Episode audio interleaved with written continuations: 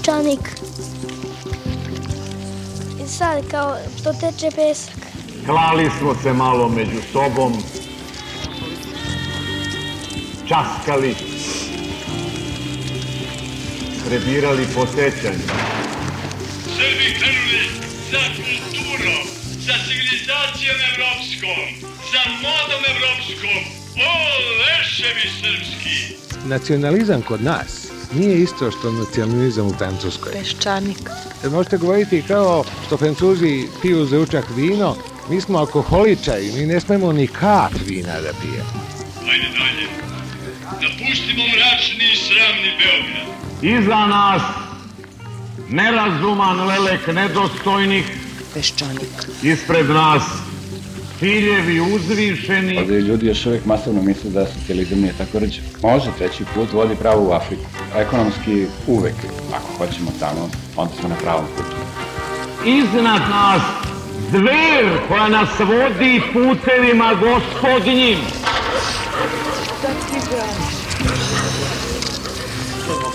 I da ne zatvorim oči, Peščanik. ja mogu da zamislim Srbiju kao najdinamičniju zemlju na Balkanu i jednu košnicu sa malo trutova i puno radilica. Ako ne uspemo, niko nam neće biti kriv. I dugo smo, dugo još putovali. Dakle, mi smo izgubili 5. oktobar, da tako kažem. Nepredviđeno. Na televiziji vidim da se i rezultat drugog svetskog rata promenio. Ugleda smo u bistroj vodi naša lica. Prema tome, ja očekujem da će Srbija krenuti nešto novo tek kad pobedi Turke na Kosovo. Iznenada briznu smo u plač. Peščanik.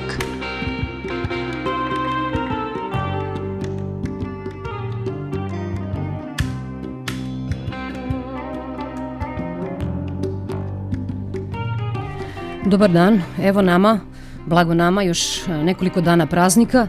Sutra će ponosni narod na prvomajske uranke, pušit će se košutnjak i javala od roštiljskog dima, odmarat ćemo se od nadčovečanskih napora koje smo nesebično ulagali u suprotstavljanje evropskim vrednostima koje od nas ište Brisel. Istog dana Slovenci, Slovaci, Česi, Mađare i pripadnici drugih podaničkih naroda će proslaviti svoj ulazak u Evropsku uniju.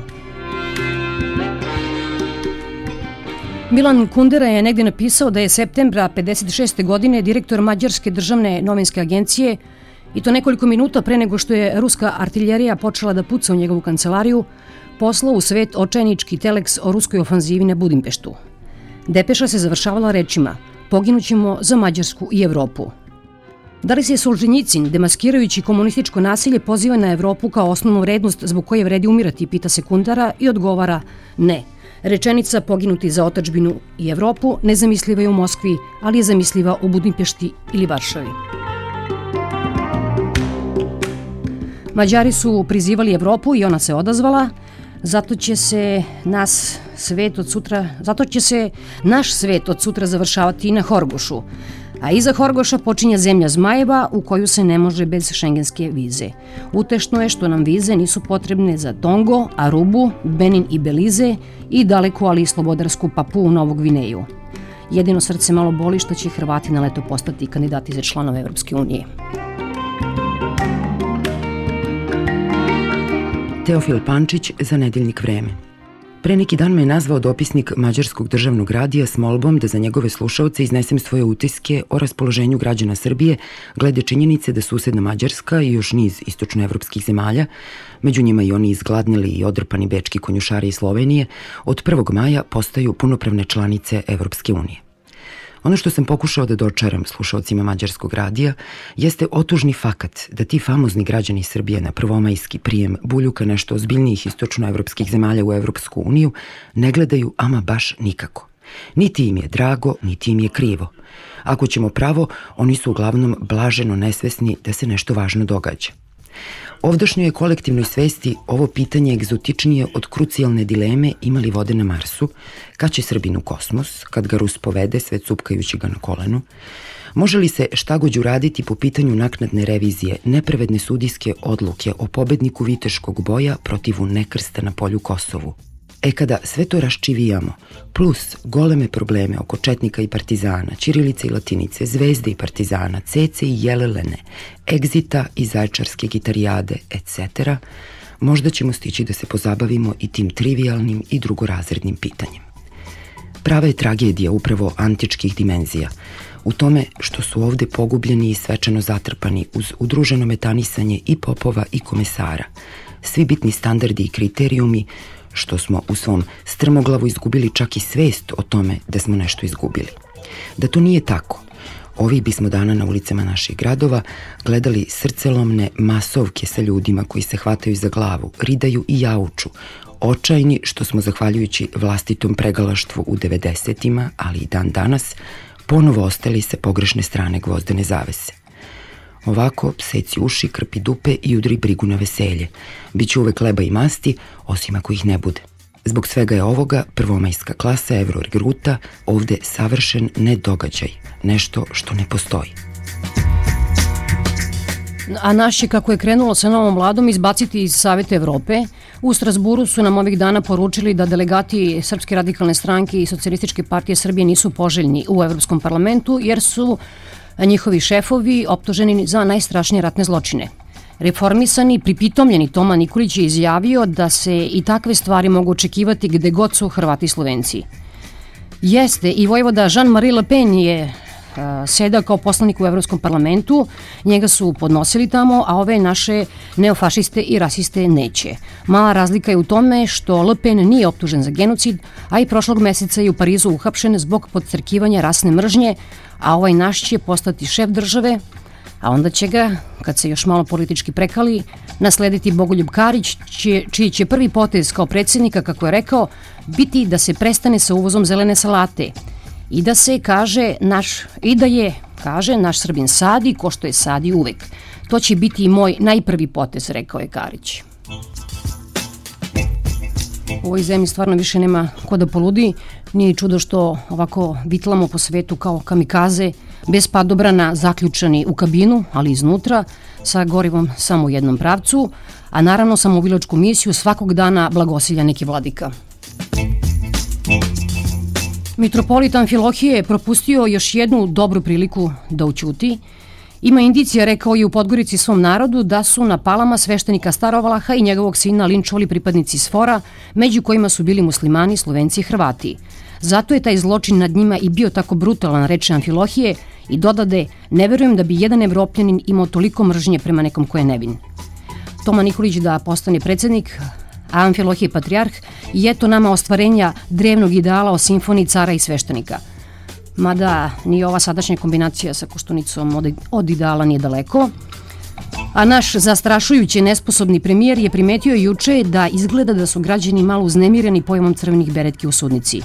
Njegov mladi lav Bakarec kaže da će se majice sa vučjom glavom uskoro prodavati na ulicama, što će biti posledica tolikog publiciteta koje smo dali tom događaju. To je na tragu, inače, DSS-ovog stava da je istina sama po sebi štetna i da se iznošenjem u javnost šteta samo uvećava. Predsednik vlade se juče odmarao od uloge neizlečivog melanholika kome nije ni do čega, a koji bi na pitanje kako si, brate Vojo, rekao ne pitaj, sestro, zdrav sam, a bolan. Iznao je juče plan za Kosovo, sve sa mapama, Srbija ovo mora da uradi, reče zbog sebe, ali i zbog Evrope koje pripada suštinski, mada još neformalno. Pozivao se na uspeli multietnički eksperiment koji je, kaže, uspeo na jugu Srbije, a u isto vreme Riza Halimi se žali da već tri meseca niko od srpskih političara nije dolazio na jug Srbije. Gospodin Halimi kaže da ne bi voleo da se ponovi vreme kad su Srbi svoje političare slali do Leskovca, a južno od Leskovca samo vojsku i policiju. Državnik, pripravnik Boris Tatić počeo je svoju predizbornu kampanju u Americi, ubeđuje dijasporu i američke činovnike, a misli da nas i ovako i onako ima.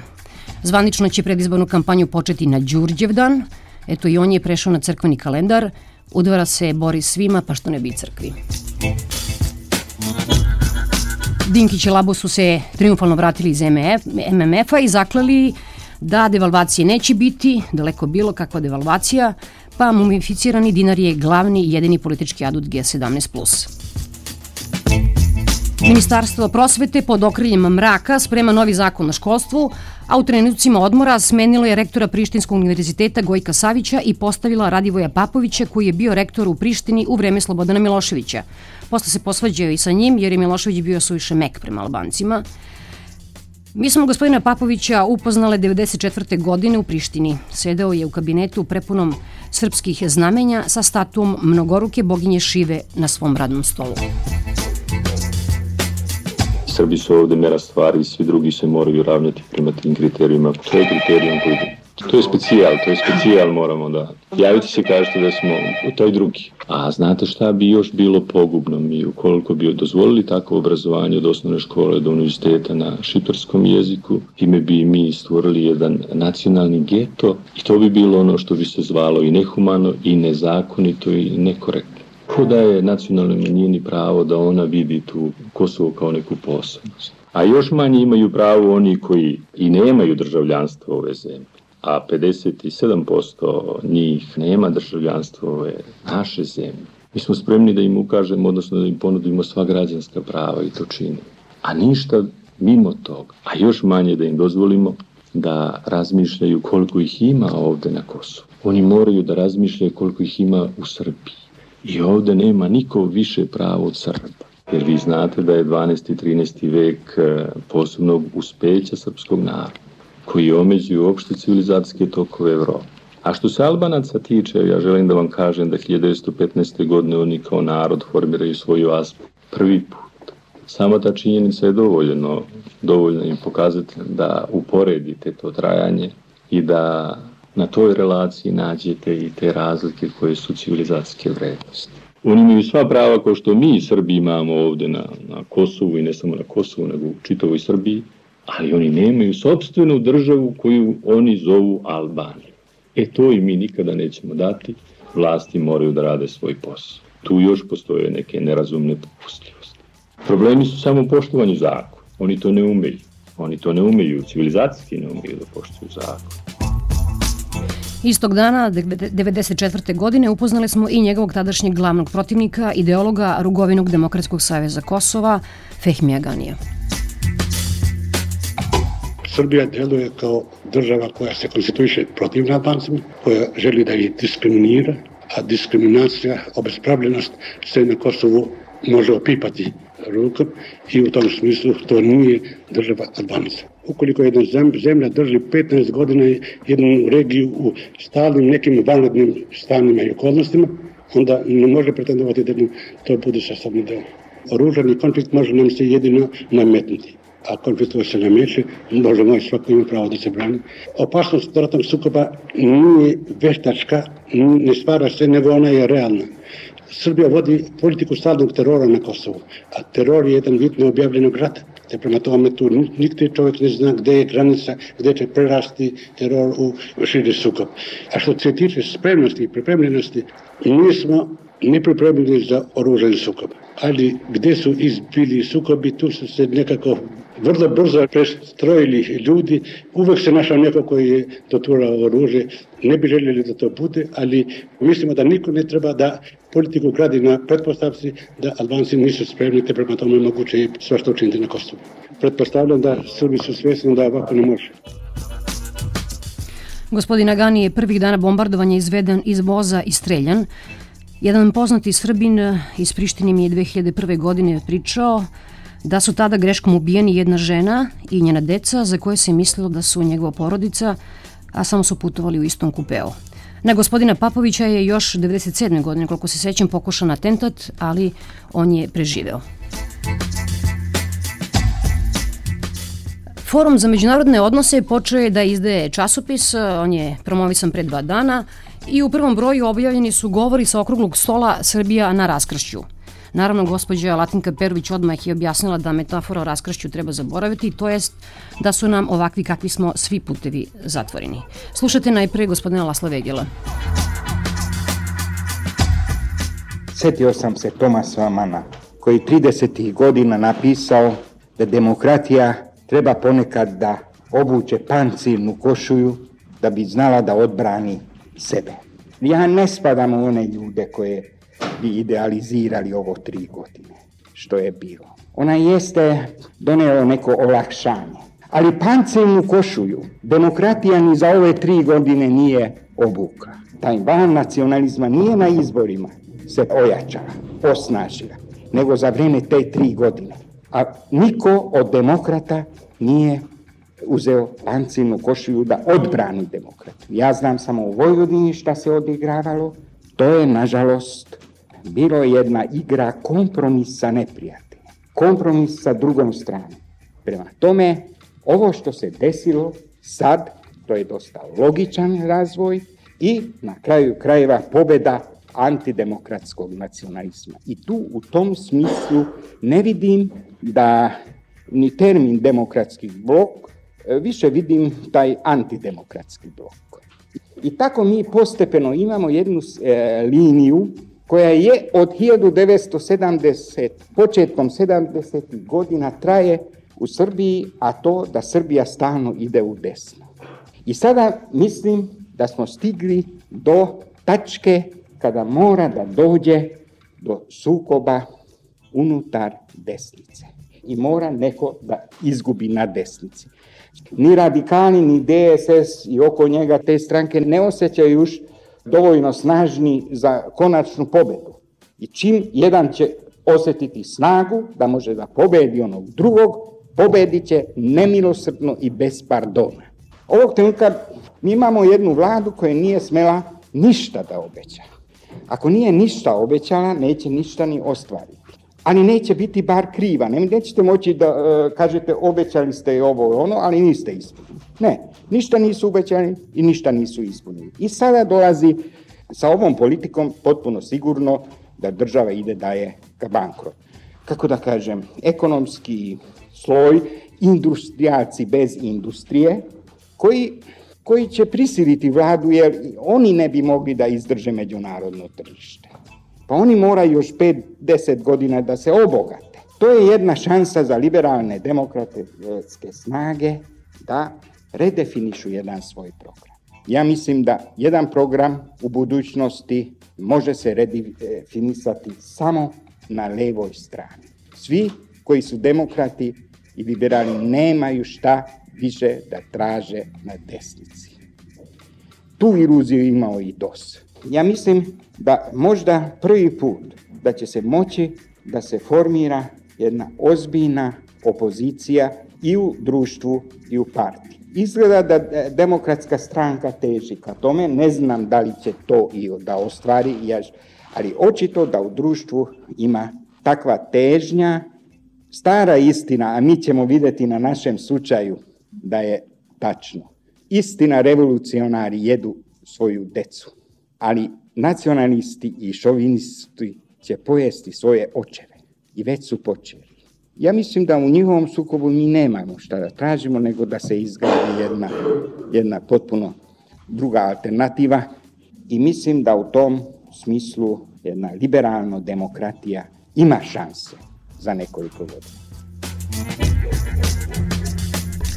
Objašnjavajući trenutnu zbunjenost građana Srbije zbog onoga što se događa na političkoj sceni, Nebojša Popov je podsjetio učesnike skupa na pesmicu koja se pevala po Beogradu posle govora kralje Petra 44. godine kada je ovaj preko radija poručio svojim podanicima otprilike sada je Tito šef.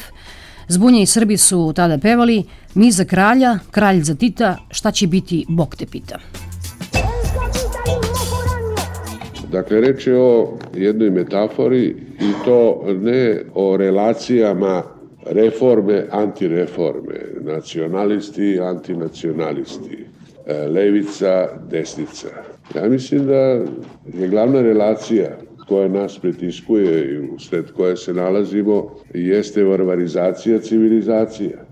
Razorena je država kao civilizacijska ustanova koja onemogućuje da se nekažnjeno ubije i pljačka. I to je taj civilizacijski slom koji smo mi doživeli i od tada klizimo ka varvarizaciji pitanje dokle ćemo u tome stići. Jer ta stvar još nije gotova. Ovo je važno imati u vidu e, zbog toga da bismo mogli da procenimo ko šta radi sprem te činjenice. Da smo na tom raskrišću civilizacije ili varvarizacije. Pristalice pobednika na izborima iz 28. decembra smatraju neponovljivom šansom da se sada učvrste na vlasti i obračunaju sa onima koji mogu biti potencijalni protivnici na sledećim izborima. Ti najagresivniji govornici na raznim tribinama jasno pokazuju težnju da uz vlast koju su već dobili i s oslovcem na one nesumnjive tradicionalne institucije stubove vlasti, crkva, vojska, monarhija, još nešto fali da bi se učvrstili, a to je novi talas ideološke redukcije složenosti kulturne i političke istorije, iz koje sada hoće da poizbacuju sve one koji se ne uklapaju u taj njihov kliše. Dositej i Svetozar Marković, čak i Vuk Karadžić koji inače od Miloša tražio se zabrane dela Dositeja Obradovića. U isto vreme kada i Njegoš tražio da se zabrane dela Dositeja Obradovića. Dakle, ja vidim u ovome što se sada događa jedan borbeni nastup formacije koja je pobedila, koja hoće da učini svoju vlast što trajnijom tako što će da izmakne svaki oslonac bilo kojoj opoziciji u korpusu srpske nacije. Ako hoćete da budete protiv njih, prema njihovom stavu, morate pristati da se te anacionalni, antinacionalni, mondialisti, izrodi, neprijatelji, što god hoćete. A ja mislim da upravo na tom prostoru, na tom tlu treba tražiti šansu da se ipak vremenski ograniči njihova dominacija, a ta šansa je upravo da se rehabilituju, revitalizuju ti oslonci u srpskoj kulturnoj i političkoj istoriji sa kojih se može reagovati na ove falsifikatore istorije. Ideja Bože Grujović iz 805. godine da bez vladavine zakona svaki narod je u ropskom položaju nije nikako relikt prošlosti da ne kritikujemo samo vlast, nego više puta pominjene medije. Molim vas lepo, Onomad, jedan od najpopularnijih kolumnista u ovoj zemlji, kaže na televiziji. Bolje da sam nekoliko ljudi zaklao nego što sam o njima pisao. Mrtav hladan. Pazite, i o tome šta se pod klanjem tu misli, opet nek bude metaforično. Ali pazite, za mene je mnogo ozbiljnije ono na kraju, znači, određen način pisanja ili govora o nekome je gore od klanja, kaže nam kolumnista.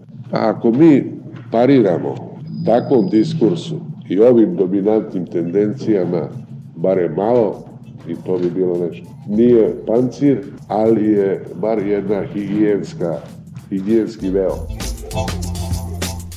Bio je Nebojša Popov, a sada slušate gospođu Latinku Perović u nečemu Srbija ipak jeste posebna. Njena elita se regrutuje iz seljačkog naroda, jer drugih društvenih slojeva nema. Ona trpi pritisak većine, a i sama nastoji da se što manje od te većine odvoji. Najpre zato da bi na tu većinu mogla da utiče, a zatim da bi mogla da uspostavi svoju političku dominaciju i da bi mogla da tu zaostalost demagoški instrumentalizuje. Krajnji rezultat je što su, na primer, svi strani putopisi kroz Srbiju u 19. veku uočavali da se naša elita veoma malo razlikuje od naroda. I za Srbiju važi ono što je Nikolaj Berđajev govorio za Rusiju. Liberalne ideje uvek su bile slabe u Rusiji i kod nas, kaže on, nikada nije bilo liberalne ideologije koja bi stekla moralni autoritet i koja bi nadahnjivala društvo. Za ovdašnje razumevanje procesa kroz koje prolazi Rusija danas, Možda važi ono što je Vladimir Gaćinović napisao Trockom 1914. godine. Mi smo vaša idejna kolonija i kao što svaka kolonija kasni za metropolom, tako i mi kasnimo za vama. Mi dakle kasnimo danas ne samo za zapadom, nego i za istokom, pre svega za Rusijom. Rusija prihvata kapitalizam i liberalizam sa svim konsekvencama koje iz tog procesa proizilaze. Put kao istoku jednako je zatvoren kao i put prema zapadu. Za izlazak iz tog stanja, stanja nepomečnosti, bio je postignut politički konsenzus oktobra 2000. godine. Nije se toliko radilo o tome da se ukine jedan režim, koliko o tome da se trasira na njegovim razvalinama jedna nova strategija. Posljednji izbori su potvrdili da je odnos snaga veoma nepovoljan, ali to ne znači da Srbija još uvek stoji na raskršću i da na svakim novim izborima treba da donosi odluku o istorijskom izboru svoga puta. U proleće 2000. godine novinar Nina upitao je Zorana Đinđića. Nijedan premijer vlade u tranziciji nije preživeo. Da li ćete vi da preživite? Shvatajući reč preživeti kao trajanje mandata, a ne doslovno, kako se nažalost pokazalo, Đinđić je odgovorio To mi nije toliko bitno ako se zemlja nalazi na putu reforme. Bilo bi mi veoma teško ako bi se eventualnom smenom ove vlade ta politika presekla i vratila na politiku trulih kompromisa, demagogije, priče da privreda treba da cveta i porezi da se ne plaćaju i da nema discipline i da budemo ponosni i da budemo priznati u svetu i sve to u isto vreme. To bi bilo, kaže Đinđić, veoma loše, jer bismo se vratili zapravo u glib iz kojeg smo se jedva izvukli. Srbija, dakle, nije na raskršću, već u kolebanju koje je vuče u glib. Ona nije u situaciji da bira, ona je u situaciji da brani ono što je jednom već izabrala. Čitajte radio na b92.net. Peščanik.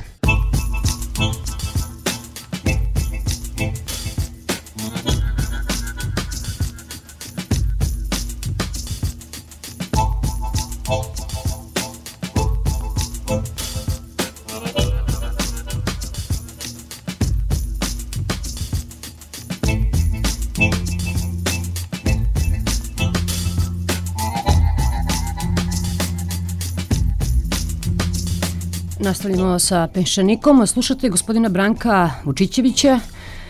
On je prevodilac, prevodio je razne stvari od Nabokova do Makluana, a napisao je i scenario za film Splav Meduze koji je režirao Karpao godina. Gospodin Branko Vučićević. Ima ona baba Nadežda Mandeštam koja negde u stvari u onim svojim memorijama kao pravi razliku između slobode i raspuštenosti, jer mislim ovo kod nas vlada raspuštenost Mene nerviraju ljudi koji se stalno čude, stvari to mislim da je jedna od najgnusnijih srpskih osobina, to nepisano se čuje ko da, ono, svi pali sa kruške juče, ne može se ništa očekivati drugo do ovo što se događa. Pa moram priznati da nikad u stvari od države nisam ovaj, očekivao ništa dobro, ne našto dobro. To onako uzgled, ako bude dobro, dobro jeste, E, moram priznati da za vreme vladavine Zorana Đinjića e, sam nešto kao otvorio neku zagadu, gle, možda je to to, i dobro, ona se zagada zatvorila na način na koji se zatvorila, pošto ja bio jako željan da kao ovaj, idem zveram po Beogradu ili čitam novin ili što god i sad kao vidi ovo je urađeno, ne znam, ovo, i onda sam, kad je već počeo ta stvar da se odvija kao i pre njegove njegovog ubistva. Ja sam se zafrkavao s nekim svojim prijateljima da treba da ostanemo takozvani KUV, a KUV to je skraćenica klub ulizica vlade. E, dakle, to mi je bila ta jedna aberacija, u stvari, kad sam imao taj, ajde da kažem, pozitivan stav prema državi. Dakle, država, e sad, pošto je sad kao ova trenutno naša državograditeljska linija, ono, društvo pravednosti. Međutim, oni imaju vrlo jasno predstavu kako bi to trebalo da izgleda i mene to podsjeća, u stvari to je već bilo ostvareno jedan put u Srbiji, ajde da govorimo o Srbiji, to je bilo Nedićeva Srbija. Naravno, tu ima i onih nekih pokazivanja svoje suštine nehotice. To što u onim mermenim hodnicima u Ministarstvu kulture stoje te voštane figure, to je izvanredno iskreno postavljeno, Jer oni su u stvari, dakle ti sad naši, ovaj, da ih nazovem vladari, oni su u stvari praktično ko neke ove, te voštane lutke, koje naravno iznutra imaju neke mehanizme koje povremeno imitiraju život. I sa te imitacije života to su ove gluposti postavljenja, zakoni i sve ostalo, pa uključujući se vratimo to, da su te voštane lutke kao pustile opet neke magnetne zrake koje su primili, primili ovi u majicama. Malo pre ste rekli da ovo vreme vas negde podsjeća na to doba Nedićeva. Šta? To je bilo ono, popovi, postojala je čak i neka navodna vojska, ali ima sve u kulturi, opere, stalno su neke manifestacije, stalno se nešto osvećuje. Naravno da se podrazumeva da se zemlja raspada, dobro, kao i bilo je, bio je rat i tako dalje, ali je bilo i neko kao unutrašnje raspadanje. Tako da sve one poezije, ono, Nedić, e, se žrtvovao za Srbiju i tako dalje, to je loša poezija.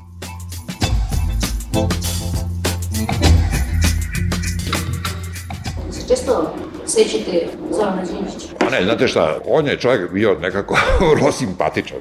Ja sam jedan put, jedan, jedini put nešto sedeo, bilo je opet neko skupljanje, uopšte ne znam zašto sam se ja tamo pojavio, naravno ne bi ništa, nekako ja sedim levo od njega.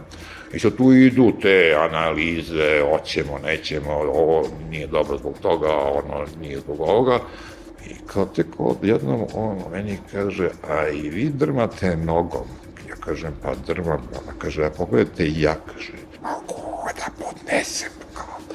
Ima jedan citat iz Biblije koji sam, možda kad sam ga ja čak zapamtio, a on čini mi se da dosta jedan aspekt ove trenutne vlasti pokriva, dakle jedan, pošto oni imaju tih raznih pojavnih oblika, voštane figure i tako dalje, a sada je ovo kao, kaže se tamo, neka vaše da bude da, neka vaše ne bude ne, a mlake će gospod ispljunuti. E, to je mene oduševilo. Znači šta, prvo krenimo od glave, kao takozvane. Po meni glava je čovek sa vizijom, takozvanom, ja verujem da on u svom kabinetu sedi, naravno da ima prazan sto potpuno, i tako bulji u jednu tačku, to je tamo, tamo se pojavljuje ta vizija. Ja imam da je on ono što se zove sićušni zloduh. To je opet nešto iz ruske literature. I sad on ima tu svoju, svoju viziju, kakva god bila, a to je, na primjer, verovatno vizija kao on i Toma, carevi Srbije i kao Srbija najzad na pravom putu, jel, što je bila dobra parola, ali u stvari iz pogrešnih usta i u pogrešno vreme. Ja se nešto način u ekonomiju ne razumem, ali verovatno će tu stvari biti potpuno zabrljane gde naravno ovi komičari koji su ili dobili neki infarkt mozga ili su baš ono vlastohlepni, mislim na takozvani ovaj G17+, oni bi tu trebali kobajegi da obavljaju te ozbiljne stvari ako smo marksisti pa se držimo od toga da je ekonomija baza, onda bi čak čovjek, kad bi to funkcionalizao, čovjek bi čak mogao reći, pa dobro, aj sad kultura, nekako ćemo se snaći, a i nije nam baš kao... Međutim, ovo, je, ovo jeste ozbiljno i plus to izvesno sejanje mračnašta. Ne, oni imaju i nešto, u stvari, samo razor. Jer treba biti ipak protiv samoga sebe, ajde kažem tako, izbaciti ovog kandidata koga su oni izbacili za predsjedničke izbore. To je neka koncentracija, koncentracija nesposobnosti. Mislim što je vrlo teško napraviti. U osnovi, kad čovjek rešio, ajde da se skupimo svi mi nesposobni, ministra Stojkovića, ja sam gledao u akciji, pošto sam sedeo na tom suđenju, ja sad čekam kad će onaj obran Joksimović, recimo, da ponovo iskoči ko čupac iz kutije, Zato što ja sam za njega prvi put čuo, dakle to je bilo jako davno negde, 70. godina kad on i ovaj, njegov pajtor, za koga me čudio da ga nije za nešto postavio Čavoški, kad su objavili tu famoznu knjigu. To je stvarno delo čoveče, napisali ga, kao atomska eksplozija. Taman mi to proradimo i to je bilo ono kao da li može se nabavi, ne može se nabavi. I kao idemo, moja tadašnja ova, životna saputnica, ja idem u jednu prijateljsku kuću gde nam domaćica kaže ja doći će i poštunica. Ja kažem, čoveče, sad tog dožive. On je sedeo na jednom divanu još i dan danas i kao nije, meni se čini, rekao ni jednu jedinu reč. E za od takvog jednog tutumraka, u stvari, da smo mi uznapredovali, da nam je on žalosno je reći, na neki način gospodar sudbine, to je jedna od tih ovih istorijskih igara, ali istorija se voli igrati. Ali. Znate šta, ja ne znam u stvari to, Srbi se boje svega. Ja sam sad recimo slučajno negde e, pročitao da su i Slovenci bili protiv uvođenja železnica, ako nam je to neka uteka, a u ostalom Englezi su bili protiv prve lokomotive. To mislim da je jedna od takođe tih štetnih izmišljotina. Neka vrlo simpatična naša arhitektica objavila u Americi knjigu o beogradskoj arhitekturi između prvog i drugog svetskog rata, I tu se čovjek zapanje u stvari kad vidi taj Beograd koji jeste počeo startovati, znači kao razvalina i tako dalje, ali se tu je odjedan put vidi da je, na primjer, ne znam, 30. godine postojala kozmetička kuća Helena Rubinstein. Prvo postoji ta samo mržnja srpska, kod prosvećenih Srba, koja mene tako jako nervira. Ja sam tako da sam ja sebe definisao da sam u stvari SS, takozvano silom Srbije. Dobro, pošto ja jedino u stvari u ovoj godina funkcionišem po ovom sistemu da vidimo šta će još da bude zanimljivo. To, to naravno može da košta. Ja. Bilo je u stvari u Rusiji posle takozvani termin bivši ljudi, ja sam bivši čovek. Bivši ljudi recimo imaju neka interesovanja koja redko koga, redko koga zanimaju.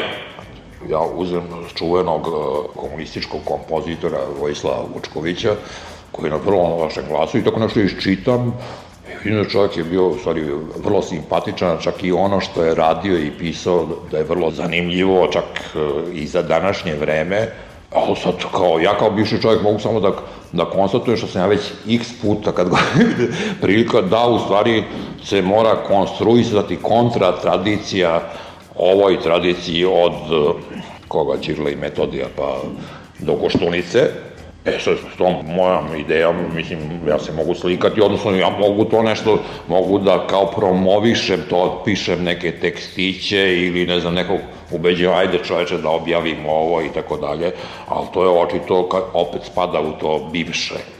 Recimo, sad ću vam ispričati jednu anegdotu. Kao dokorni penzioner, ja primetim da u našoj elitnoj knjižari ovi stubovi kulture prodaju se protokoli sionskih mudraca. Ja jednom, drugi put i kao konačno pitam neki klinci bili tamo, kajem, ko je ovde od vas nadležan? Pa rekao, ne, be, ljudi. Pa kaže, što, Branko, baš je zanimljiva. Ja kažem, čekaj, ti, možda je to tebi zanimljivo, ti si prosvećen kao dečko, ali ovi klinci koji pojma nemaju, to je čisto otrov. Ništa, stoji to i dalje. Ja onda sad, kao građanin, pismo Grujici Spasoviću u danas. A naravno tu opatrnen i našeg sadašnjeg predsjednika Skupštine kako u njegovoj radnji takve stvari.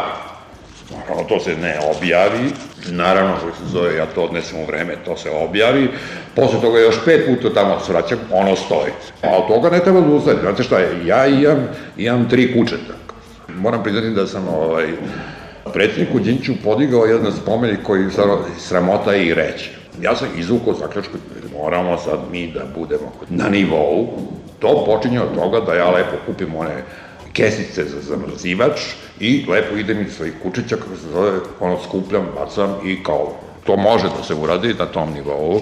I svega toga u stvari ovaj, ne bi trebalo da proizađe da kao sad idemo kući da ovaj, legnemo i pokrijemo sa ćebetom, jedino što ne znam šta tačno ovaj, radi, mislim.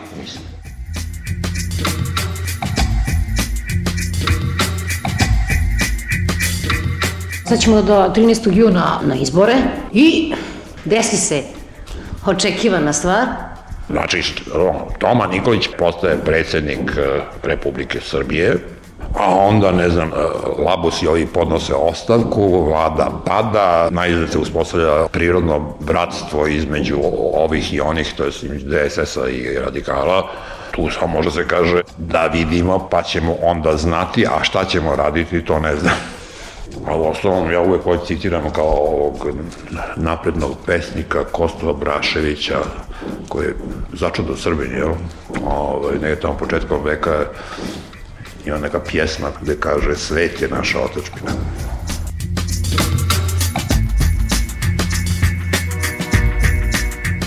Mene čudi u stvari da loše, loše posledice toga nisu ovaj, rasprostranjenije, naprosto da, da kao ono, ljudi, e, ono, naprosto izađemo u Beograd ujutru, odjedan put sve mrzelo da ustanu, nego ono, grad zjapi prazan. Dakle, ovo je, pošto su svi živahni, makar na dnevnoj bazi, mislim, to je ipak bolje stanje.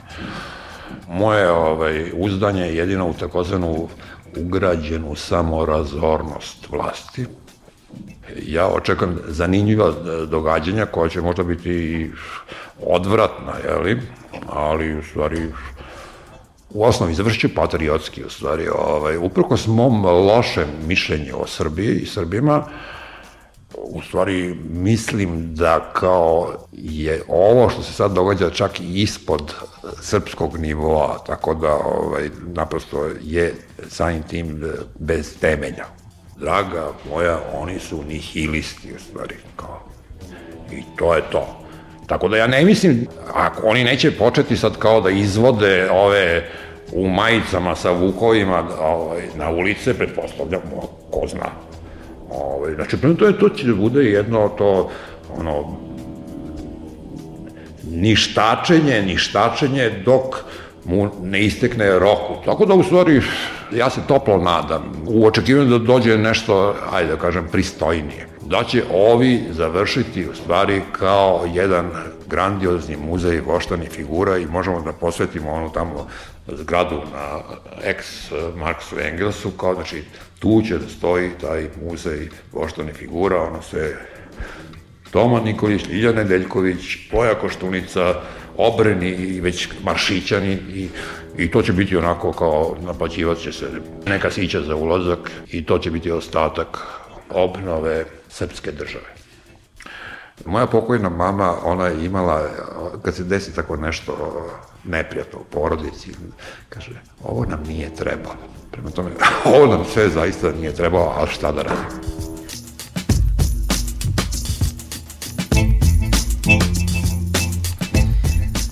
A sada upoznajte gospođu Veru Ranković. Gospođa Ranković je novinar i predsjednica Foruma za međunarodne odnose.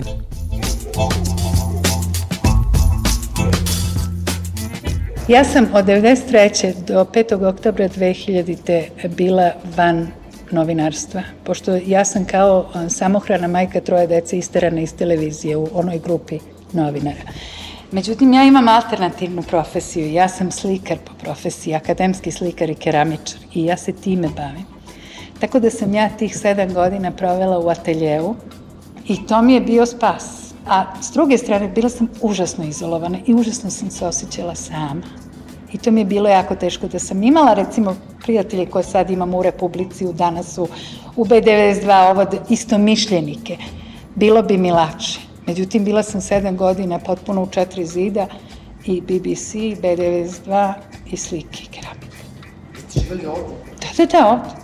Unutrašnje imigracije. A kad kažete živala sam puno po svetu, ste 60. godine bili napolje? U Americi. U najbolje vreme. Tamo sam srednju školu i fakultet završila i to verovatno ima veze sa mojim formiranjem mojih stavova jer sam bila hipik, pravi pravcijatici. Bila sam čak i na Woodstocku. Bili ste na Woodstocku, da. onom pravo? Da, da.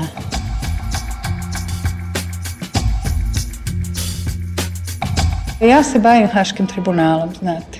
Bavim se iz ubeđenja. U televiziji su mi posle 5. oktobra tako dali to malo da radim kao vruć krompir. Niko drugi nije hteo da se bavim tom temom, uvek je bila nepopularna. E sad, ja sam dosta bila u, u, u inostranstvu i onda znam otprilike kako funkcionišu pravni sistemi. Ja mislim da između nas i Haga, odnosno svetske zajednice, to ključna, ne, ključni nesporazum. Što ljudi ovde nikad nisu živeli u pravnom sistemu.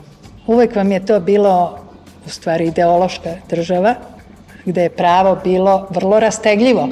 Pravo je bilo pravljeno da se koristi, možda bitne, ali ne mora da znači. Prema tome, oni misle da je ovaj, i Haški tribunal u stvari vrlo jedan sud koji, koji je pristrasan i koji ne, nije zasnovan na, na vrlo rigidnim pravnim, pravnim postulatima. Ono što je ovde tragično, to je da, da, da, da političari a tu posebno gospodin Koštunica koji je pravnik po prirodi, čak pravni teoretičar i čak legalista, jel? oni prosto drže narod u zabludi. Oni prosto kažu narodu da, da on ne mora da izvršava naloge, odnosno da ova država ne mora da izvršava naloge Haškog tribunala, što je, što je netačno. Haški tribunal je sud ove zemlje tako što smo mi potpisali, postali članovi Ujedinjenih nacija. Haški tribunal je osnovao Savet bezbednosti. I on nije strani sud. I one ne, sa njime se ne sarađuje, nego se njegovi nalozi izvršavaju. Narodu treba da se kaže da izbora nema. I kad bi se čoveku reklo, svakom čoveku na ulici, da li ti hoćeš da te lupi po džepu, konkretno, da živiš tako ili da Nebojša Pavković, na primer, ide u zatvor, šta misliš, šta bi on rekao? Ali to se sve zakukuljuje, zamumuljuje i ubija u neke oblande ideološke, patriotske, ovake ili onake. I uvek se ostavlja ta rezerva da ćemo mi sa nekim da se cenkamo i da ćemo mi na neki način da se izvučemo iz toga. Ma nema šanse. Vaša emisija ukinuta? Da. Bojana Lekić je dekretom ukinula moju emisiju nedelju dana pre odlaska u BK.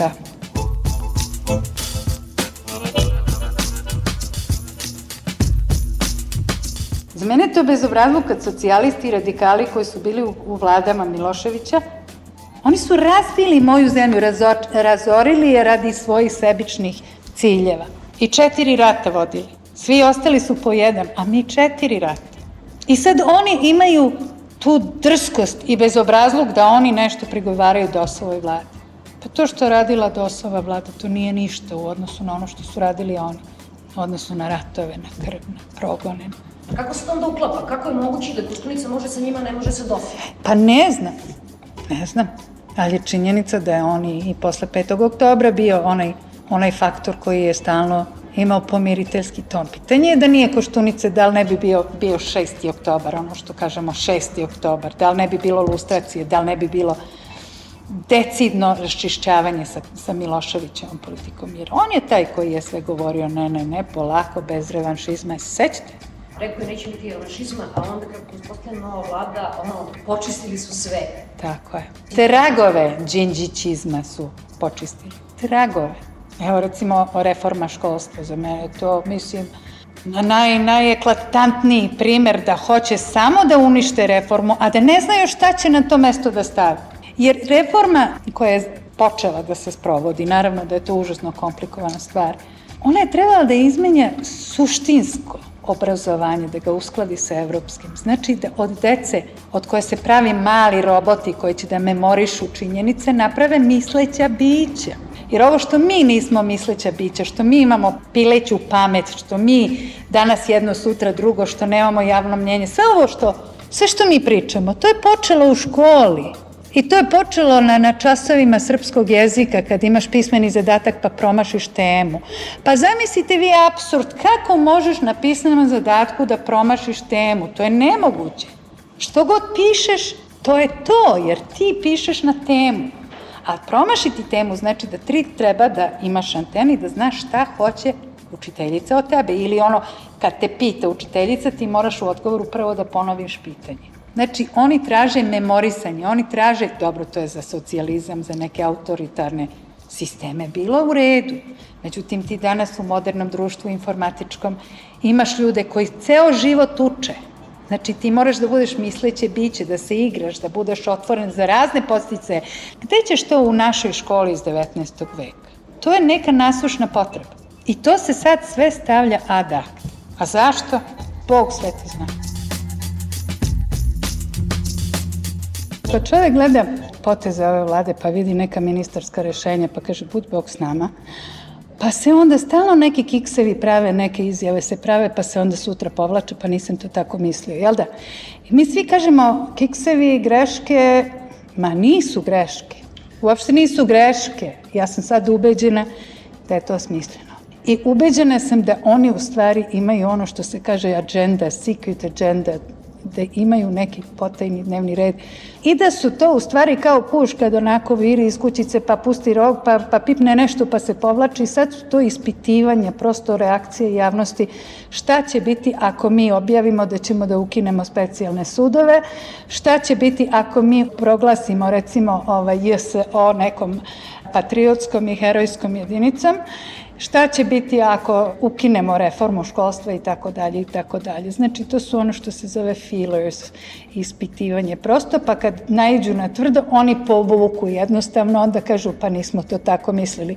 Naprimer, Kojadinović, to je za mene neverovatno.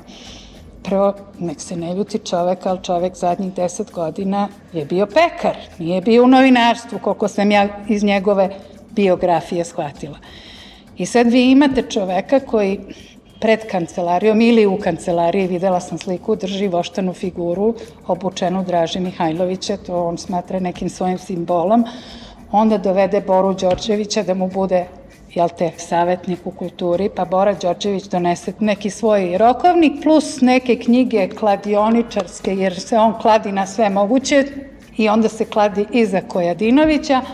I onda prvi potez Bore Đorđevića je da restaurira neke filmove, između ostalog i prvi srpski porno film iz 1927. Mislim, to su neke tako bizarni detalji koji bi bili vrlo zabavni da nisu tragični.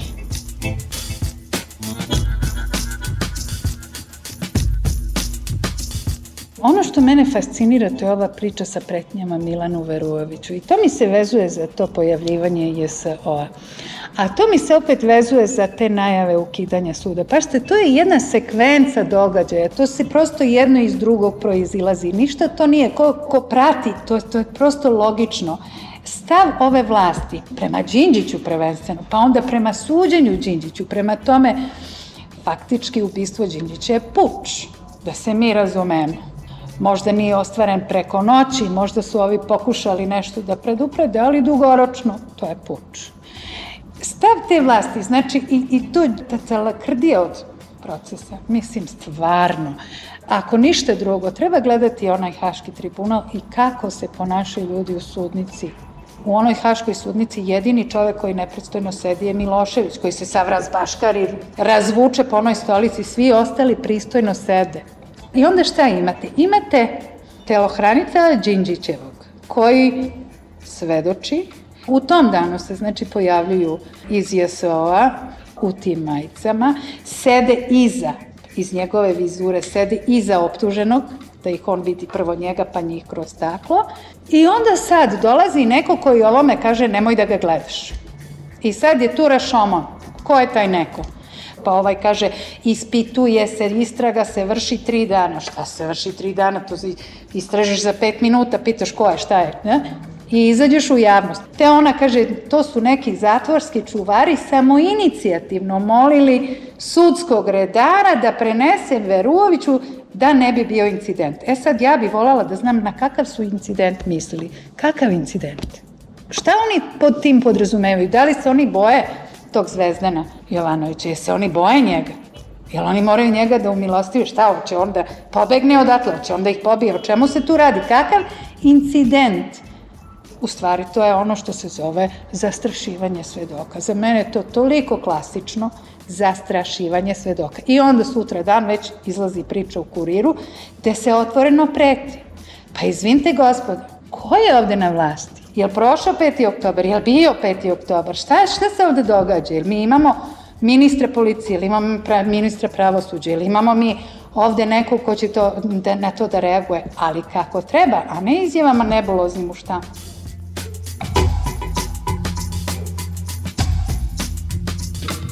Vi ste rekli da ne treba da se čudimo, ju, otkud ovo, pa ju, otkud ovo što su radili ovo vlast. Mislim da je to prilično konzistentno, da oni imaju ljudi neki svoj plan, i da po tome gaze. Po vašem mišljenju, koliko je ta vlast sa svim njenim ministrima i sa svim tim stavovima s kojima su izlazili, koliko je ona opasna po nas, po ovu državu? Nije opasna mnogo. Nije opasna zato što je suviše razbijena, raznorodna ima tu puno nesposobnih ljudi. Opasna je možda momentalno zato što hrani neke zablude još uvek ali u suštini ona je manjinska, ona će pasti, ona će pasti, mora pasti, ili će da, da povuče socijalistička partija ovaj, svoju podršku, ili će G17 izaći, ili već ja ne znam šta će da se desi, ali ona jednostavno nema tu onog zajedničkog duha saradnje, nema tu neke strategije, nema tu nikakve motivacije koja bi vukla. Ja samo vidim neke destruktivne porove, ja samo vidim neke negacije svega. Ja ne vidim ni u, ni u jednoj oblasti gde su se oni nešto uhvatili da rade, ja ne vidim neke, neke dugoročne ciljeve niti ideale. Koštunica hoće da napravi ustav. Ko će da mu izglasa taj ustav? Ko će da mu izglasa taj ustav? Ako radikali ne izglasaju, znači on mora da ima, da bi imao dve, tre, dve trećine u parlamentu, do poslednjeg poslanika da glasaju za. Da će on to uspeti? Ja sumnjam. Prema tome, vladi je odbrojano, ja mislim, možda sam optimista, vladi je odbrojano vreme, međutim, to ovu zemlju skupo košta. Mi smo toliko siromašni, mi toliko smo vremena izgubili, mi smo sve resurse potrošili. Sve je propalo, sve je propalo. Živimo od donacija zadnjih tri godine. Ko će nas da drži na grbačijaš? Ko će nas da izdržava? I sad mi gubimo vreme, ceo svet grabi na, napred, mi stojimo u mestu i stavili prst na čelo, ne znamo šta ćemo sa sobom. I ovaj, mislim da to nećemo svoj prljavi veš iznositi napolje kao ovo što su sad graknuli radikali na, na Draškovića što je rekao da je genocid bio na Kosovu.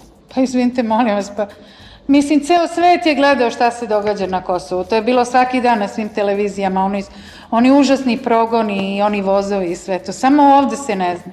Pa dokle? Dokle da živimo sa glavom zakopanom u pesak? Je li to normalno? Je li to zdravo? U Americi ima, neću opet stalno Amerika, ali u Americi imate ovaj, na sudu. Sudija uvek pita optuženog da li si bio svestan svojih postupaka. Da li je, znači, optuženi svestan da ono što radi se ne poklapa sa ljudskim i zakonima zemlje? Ako nije svestan, on ne može da odgovara sudski. Onda on ide u ludnicu, ne ide u zatvor. Da li bi mi po tim merilima mogli da, da se ovde procenjujemo? Da li smo mi uopšte svesni šta se nama događa i, i šta se događalo zadnjih 15 godina i da li smo svesni šta se radilo u naše ime?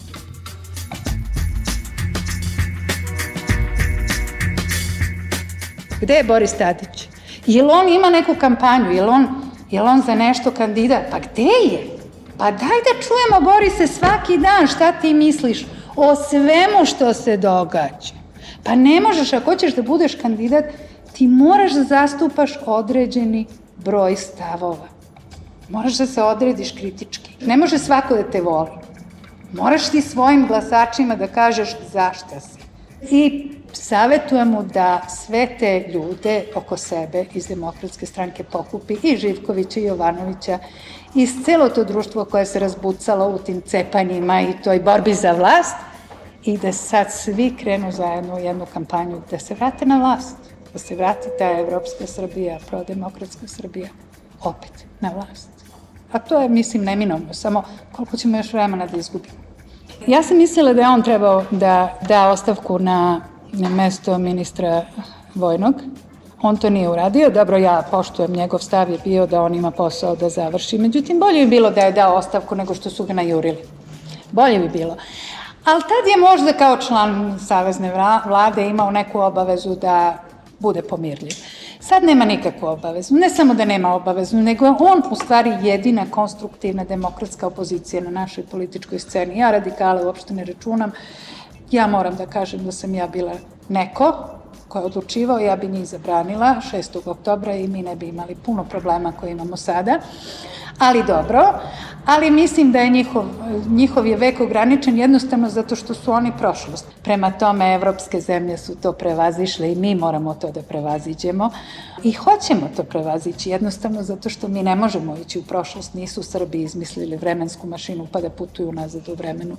Mi jednostavno moramo ići u budućnost.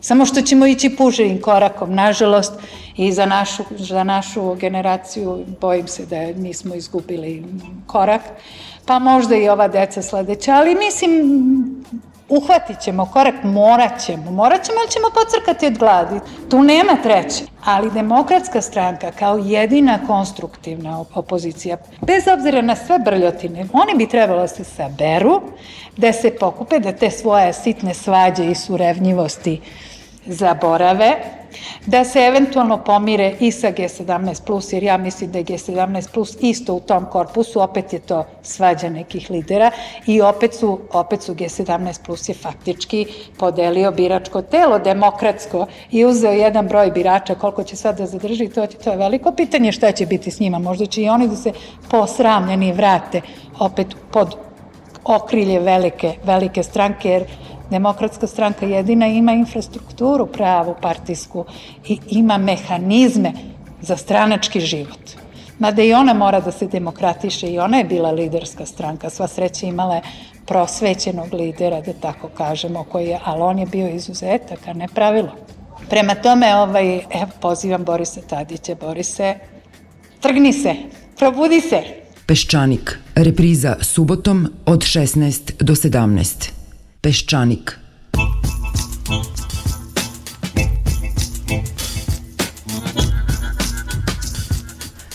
Sada ćete čuti gospođu Drinku Gojković koja vodi dokumentacioni centar Ratovi 91. 99.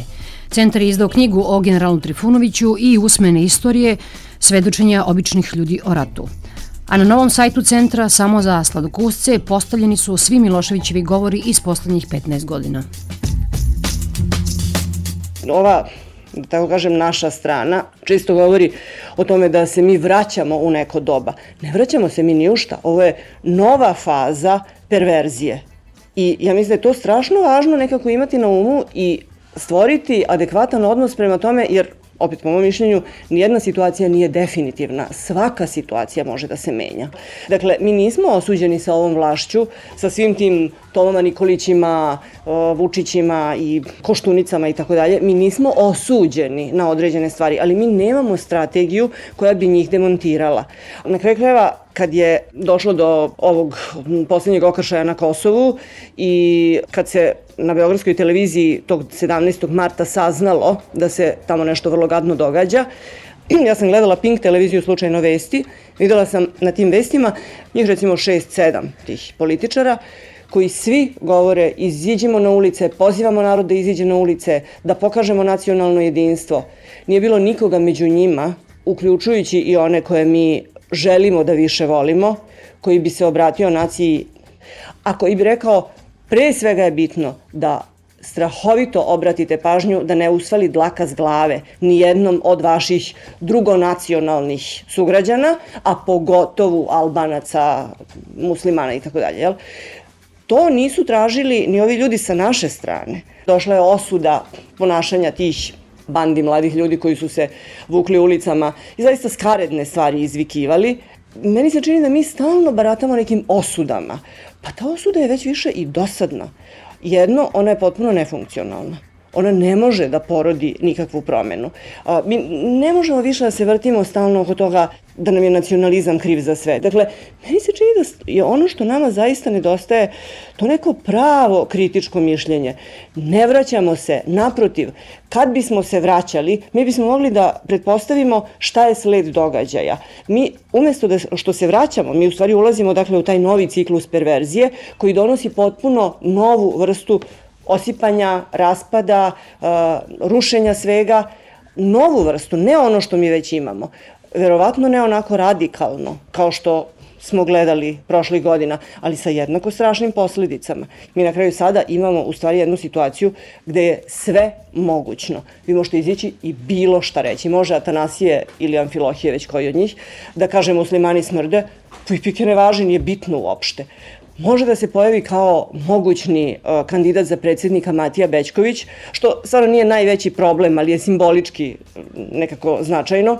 Vi ste ostatak zaklanog naroda. To je strašno, strašno probudilo strah među onim svetom dole u Kninskoj krajini i gledajući ove naše usmene istorije, vi vidite da ljudi sada sa strašnim ogorčenjem o tome govore i prosto su svesni koliko ih je neko u ovom slučaju Bećković, a uz njega toliki drugi, zaista preradio i onako teško prevario i u užasan jad bacio I uprkos tome, taj čovek i nedemontirana retorika mogu ponovo da učestvuju u političkom životu.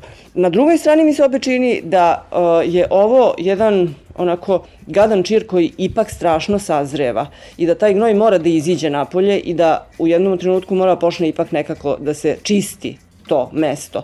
Na kraju kraja kad gledate ove ankete po ulicama, vi ipak vidite priličan broj ljudi koji vrlo trezveno misle i koji su jako, isto tako puni gneva što za to svoje trezveno mišljenje ne mogu u stvari da nađu reprezentanta, jel? što su ih njihovi reprezentanti potpuno izneverili.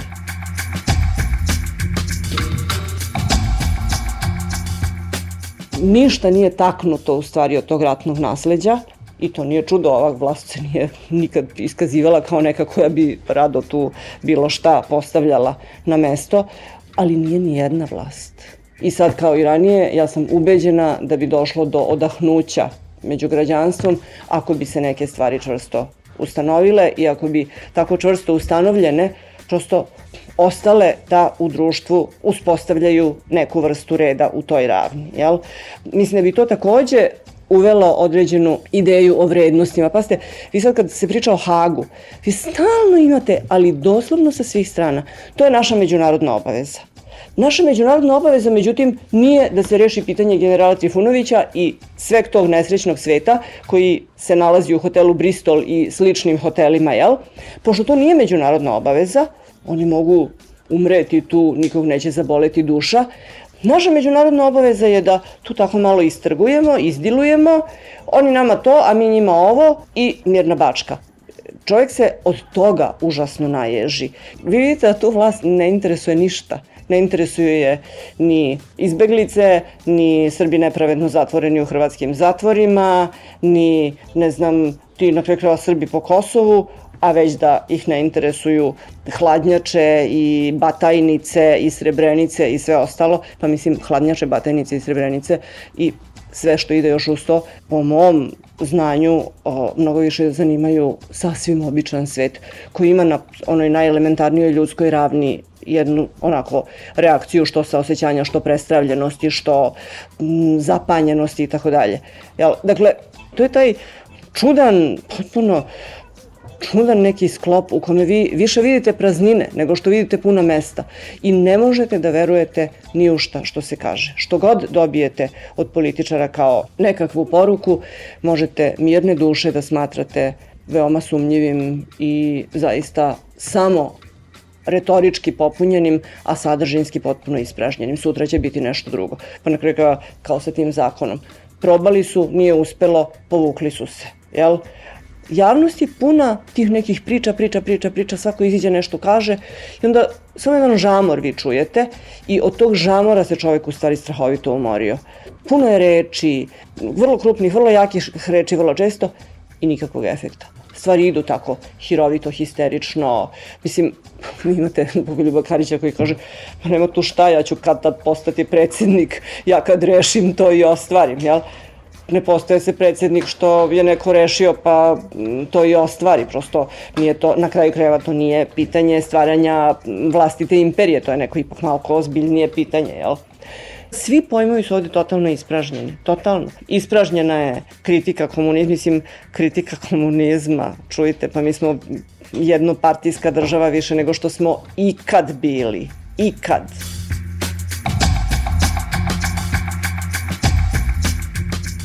Nije uvođenje nikakvog verbalnog delikta učiniti, odnosno proglasiti nedopustivim, da neko kaže da samo pravoslavci smeju da mešaju malter, a da ne kažem učiniti nedopustivim izjavu da neko smrdi. Jel?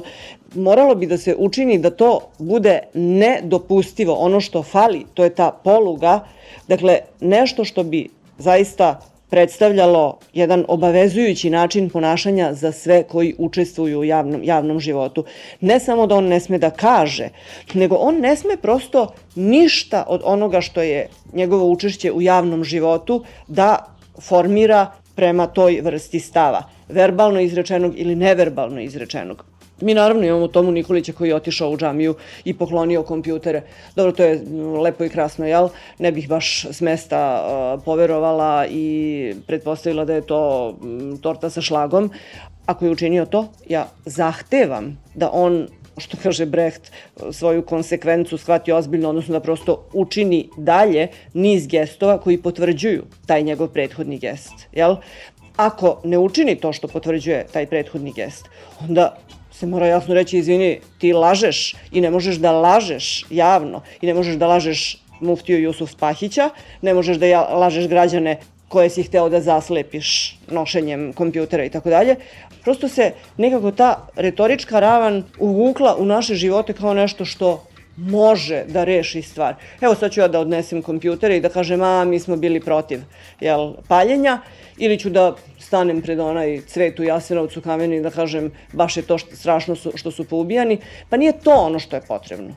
Potrebni su gestovi koji anuliraju sve ono što je podrazumevao taj Jasenovac, sve ono što je podrazumevalo paljenje džamije.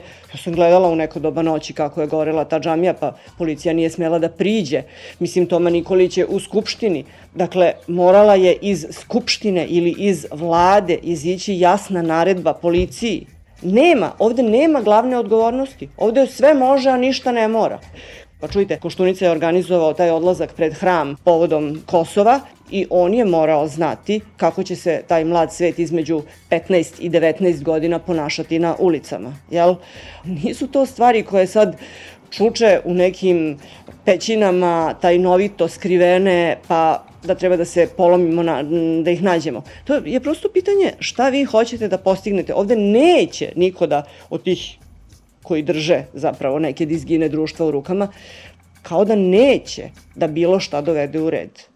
I kad govorimo o Miloševiću i o ovim njegovim govorima, on je u stvari jedan mnogo zanimljiviji primer, jer kad vi imate u vidu recimo svih tih 15 godina njegovih govora, samo kad posmatrate to izvađeno iz svakog konteksta, iz realnih događanja, iz onoga što smo iz dana u dan, iz noći u noć na kraju krajeva i gledali i doživljavali, vi imate utisak da je to čovek koji se tuče za najuzvišenije ljudske ideale. Pa kao što između toga i realnosti uspostavljamo određeni odnos, tako i između onoga što nam sadašnji političari govore i te realnosti u koju padaju te reči, moramo neprestano uspostavljati odnos. Ali ne odnos u kome je Koštunica moron, a neko drugi je ne znam šta. Mnogo je potrebnije nekako o, jako, jako trezveno napraviti analizu strukture i to bi čovek više želeo da vidi i to ne bi moglo da prođe, ja mislim, tako bezbolno po njih. Mi naravno imamo silne godine i decenije velikog premora, ali neku roku ili će čovjek da se premori pa da kaže dobro dižem ruke od svega ili ako ne digne ruke od svega prosto mora da ostane u tome na neki način aktivan i mobilan jer inače neće to samo od sebe da se menja.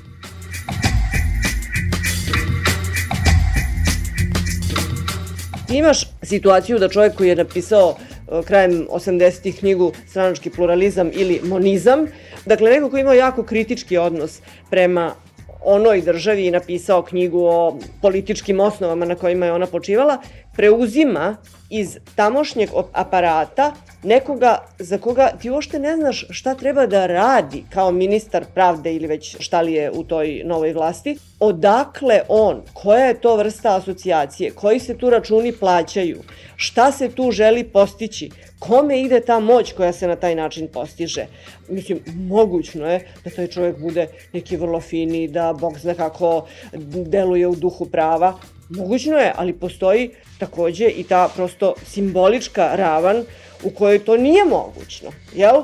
U kojoj, ako je nekad gonio nekoga ko je bio mrtav nevin, pa šta će eh, mi dati za pravo da verujem da ovog puta više neće on možda više neće goniti nekoga ko je nevin, ali možda takođe neće goniti ni nekoga ko je kriv, što je već dovoljno gadno, jel? Mislim, vi vidite Dačića koji se kandiduje za predsednika. Koštunici je trebalo da stvori vladu, pa je pravio šta god treba da bi se ta vlada napravila, ali mislim, vi uopšte ne možete u stvari da pretpostavite koja će otrovna biljka iz toga izrasti. Mislim da je haos onako bezočno strašan. Ne vidite na koji način može novi premijer države da poziva na sastanak pred hramom, a da pritom ne čuje da mladi ljudi, dakle, u vremenu još formiranja idu Beogradom i pevaju kad si srećan, razbi, izvinite, pičku šiptaru. Mogućnost da se spoje te dve stvari, jel, već ukazuje na stepen perverzije. To niste imali kod Miloševića na kontramitinzima se nisu izvikivale takve stvari. Sad ja neću da kažem da je svaka prošlost divnija od sadašnjosti i baš je bio divan Milošević u poređenju sa ovim. Ne, ali mislim prosto da ta perverzija raste i da ta otrovna biljka dobija svoje nove deformitete i zagađuje još mnogo veći deo terena.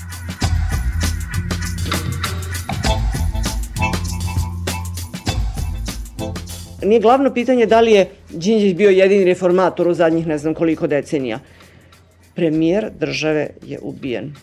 I mi nemamo pojma posle onolike akcije, posle tolikog proteklog vremena, koja cigla na kojoj cigli tu uopšte stoji. I ne znamo gde ni da gledamo. I ne znamo opet kom izveštaju da verujemo i ne znamo zašto da verujemo onome čemu bismo rado verovali. Ja lično kad o tome mislim, ja verujem Veruoviću. Veruović je jedan čovek. Jedan čovek nije institucija, jedan čovek koji ne može ni da bude ono što bi morala da bude institucija, jel? Ja sam onako zapanjena i prepadnuta činjenicom da može da se desi da malte ne godinu i po dana, nije baš godinu i po dana, mi nemamo ništa što bi ličilo na čvrstu šemu razrešavanja cele te strave. I imamo isto tako u području toga sve mogućno pripadnike JSO-a koji potpuno legitimno i veoma cinično učestvuju, nisu oni posmatrači, oni učestvuju u procesu. Pa kako može to da se desi? Prosto, gde su granice toga mogućnog? Je to zaista jedna guma koja može da se beskonačno rastegne i šta će biti kad se ona pusti i koga će ona sve tresnuti i kako će, ne, kako će nam se vrtati u glavi, nego kako ćemo se naći na zemlji kad nas ona ošine. Učinjeno je da bude mogućno, da sve bude mogućno. Prosto može, ko što mogu ovi da se pojave s tim majicama, tako može Boris Tadić da nam priča to što nam priča, a mi bi želeli da, mi bismo želeli da se uzdamo u njega, ali on nam svaki čas podmeće neku spoticaljku. I svaki čas nam kaže, baš ste glupi. Ovde je stvarno potrebno da se napravi novi svet. Sve mora da se napravi nekako, ne iz početka, ne da se počne od nule, ali da se pravi jedno društvo i jedna država sa potpuno drugačijih pozicija, iz potpuno drugačijih pretpostavki, pa onda ne možete to da radite sa nekim ko možda, evo da potpuno, recimo, abstraktno pretpostavimo, ništa nije doprineo, ali je prosto bio tu glavni dok se sve rušilo to je opet to područje, ovde sve može. Može da vam se kaže jeste, oni će ući u vladu, ali im se ne čine nikakvi ustupci. Vi se sutra ujutru probudite, ustupaka sva sila na tacni. I vi treba da pokusate te ustupke i da kažete pa dobro sa šta se radi, jel? Pa može nešto da se radi. I čini mi se, tu bi se moglo takođe zahtevati bezbroj stvari, pre nego što, kao što ti kažeš, Vuk Drašković iziđe da nas zove na sretenje ili već preobraženje ili već ne znam na što od tih stvari. Spasovdan je još potrošenje, mislim, stvarno, ako dotle. Pa na prvom mestu da se religija vrati tamo gde je mesto, to jest u crkve, a da država počne da funkcioniše kao država, jel? Tu toliko stvari postoji za demontažu, toliko je onako netaknuto i stoji ne u svom punom sjaju, nego naprotiv, pod prašinom svih ovih 15 godina zadnjih plus, plus, plus. I mi smo gurnuti u jednu situaciju u kojoj se osjećamo toliko nemoćni da gledamo u tu prašinu i gledamo na ono što je ispod nje i čupamo kose i čak više ni A ne kažemo. Stojan Cerović u nedeljniku Vreme. Suđenje ubicama predsednika vlade postaje glavna tema izborne kampanje – Predsednički kandidati i njihovi štabovi i navijači strepe ili polažu nade u neke svedoke, a optuženi opet imaju svoje kandidate u koje se uzdaju više nego u advokate. Sreće što su na vlasti legalisti. Ne smem ni da pomislim šta bi bilo da su umesto njih koji drugi. U ovoj stvari radikali i njihov Nikolić za sada su po strani. Oni čekaju drugi krug, a u sudnici se odmeravaju snage i argumenti stare i nove vlade, to jest njihovih kandidata. Crvene beretke, pristalice političkog ubistva, opširno u medijima objašnjavaju svoje uverenja i dokazuju rodoljublje, tako da nema razloga da se do izbora u sudu ne pojavi i sam Luković Legija i da sedne u publiku. Skoro sam siguran da niko ne bi ni pokušao da ga uhapsi. Ako dakle iz štaba Borisa Tadića ne budu svakodnevno podsjećali narod da nije Đinđić ubio Zvezdana Jovanovića, nego obrnuto, Na kraju će neko predložiti da se onaj platok od Trga Republike preimenuje u recimo Legijina gradina ili venac crvenih beretki. U toku je operacija ubeđivanja naroda da ubistvo može biti bogougodno delo. U Miloševićevo vreme to se nije radilo, ubistva su se poricala, sada samo što se ne slave. Eto, a zamislite da na vlasti nisu legalisti. Da li će Boris Tadić pobediti nije stvar njegova i njegove stranke. Na izborima će se očigledno glasati i o tome šta se dogodilo 12. marta prošle godine. Da li je ubijen premijer Đinđić? Ako jeste, da li je to dobro za ovu zemlju i ovaj narod? Ako jeste, da li su ubice u stvari heroji? Ako jesu, da li su svi oni ljudi koji su tugovali, palili sveće, hodali u onoj beskrajnoj povrci do aleje velikana samo budale ili nešto gore? Ako je sve to tako, onda zašto Maršićanin ne bi bio predsednik? A na sledećim izborima, ako sve bude u redu i ako se nastavi ovim putem, ozbiljni kandidati moraće da dokažu da su lično u stanju da nekoga liše života. Danas će predsjednički kandidat Dragan Maršićanin zvanično podnetni kandidaturu. Slogan njegove kampanje glasi U centar Srbijo. Bio Peščanik, pozdravljaju vas dve Svetlane. Peščanik –